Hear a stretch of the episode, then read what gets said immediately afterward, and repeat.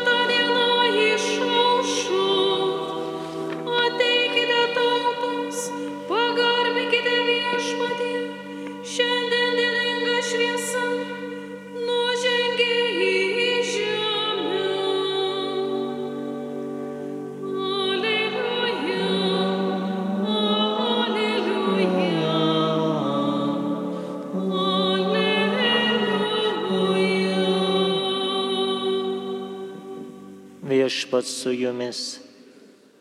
Pasiklausykite Šventojios Evangelijos pagal Luką. Buvo pranašė Ona, Fanuelio duktė Šasero giminės. Ji buvo visiškai susenusi. Po mergystės išgyveno septynerius metus su vyru, o paskui našlaudama sulaukė 84 metų. Ji nesitraukdavo iš šventyklos tarnaudama Dievui per dienas ir naktis, pasninkais bei maldomis. Ir ji tuo pat metu priejusi šlovino Dievą ir kalbėjo apie kūdikį visiems, kurie laukė Jeruzalės išvadavimo. Atlikę visą, ko reikalavo viešpatės įstatymas, jie sugrįžo į Galilėją, į savo miestą Nazaretą. Vaikelis augo ir stiprėjo, jis darėsi pilnas išminties ir Dievo malonė buvo su juo. Girdėjote viešpatę žodį. Šios šeštosios Kalėdų oktavos dienos Evangelija tęsia tai, ką girdėjome vakar apie vaikelio Jėzaus paukojimą šventykloje, kuomet Juozapas ir Marija vykdydami įstatymo paliepimą po 40 dienų atnešė gimusi Jėzų paukoti į viešpačių kaip, kaip pirmgimį. Ir štai šiandien Evangelijoje girdime, kad tuo metu, kai senelis Simeonas buvo šventykloje ir šlovino gimusi Jėzų, kartu ir buvo pranašė Ona, tai yra 84 metų moteris, kuri savo gyvenimą buvo paskyrusi Dievo tarnybai, kaip girdime, kad per dienas ir naktis nesitraukdavo iš šventyklos, pasnikais bei maldomis garbino Dievą ir štai jinai atpažįsta tame kūdikyje, jog tai yra žadėtasis pasaulio gelbėtojas ir išganytojas. Tai girdėdami apie Kristaus gimimo pasakojimus, matome, jog tie, kurie atpažįsta, jog gimė viešpats, jo gimė gelbėtojas, tikrai nebuvo nei nei karaliai, nei, nesakytume, kiti išimų žmonės, nei kunigai, nei rašto aiškintojai. Dievo gimimas, tas naujosis, naujoji paslaptis apreiškiama paprastiesiems ir mažutėliams. Tai yra piemenys, kurie ganė bandą, senelis Simeonas, pranašė Ona rytų išminčiai, tai yra visi tie, kurie, sakytume, ne, nepriklausytų, kuriems nepriklausytų pamatyti gimusi karalių, kurie nebūtų įrašyti į pirmasias pakviestųjų gretas. Tačiau Dievo logika yra visai kitokia. Jisai nežiūri žmogaus kažkokiu nuopelnu ar kažkokiu laipsniu bet žiūri žmogaus širdies ir tų, kurių širdis atvira, tiems jis ir apsireiškia ne tik tada, kai gimė, bet ir kiekvieną dieną.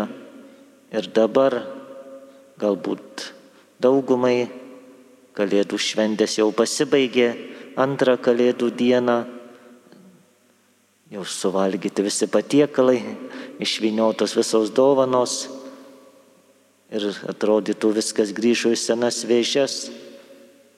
Tačiau tie, kas tiki, tas, kas, kas ilgisi viešpatės, jis kiekvienas, per kiekvienas kalėdas apreiškia save iš naujo, vėl iš naujo save dovanoja, vėl iš naujo kviečia jį atpažinti ir, ir pamilti. Ir kaip apašlas Jonas pirmajame skaitinėje sako, kad Iš tikrųjų viskas praeina šiame pasaulyje. Ir jo geismai, ir jo džiaugsmai, ir jo skausmai, ir, ir, ir viltis, ir svajonės, tačiau kas vykdo Dievo valią, tas išlieka per amžius. Taigi, švesdami Kalėdų šventes metai iš metų, kiekvieną, kiekvieną kartą vis tiek švenčiame naujai, kiek, kiekvieną kartą viešpats kažką naujo nori mums padovanoti, kažką naujo nori mums įdėti į mūsų širdis. Tad tikrai tegul jos būna atviros jo maloniai, tegul jos būna tos, kurios ieško ir laukia, kaip Simeonas, kaip pranašė Ona, kurie laukė pasaulio gelbėtojo, taip ir mūsų širdis tegu jo laukia kiekvieną dieną, kad jis mūsų aplankytų, mūsų stiprintų ir mus apšviestų. Amen.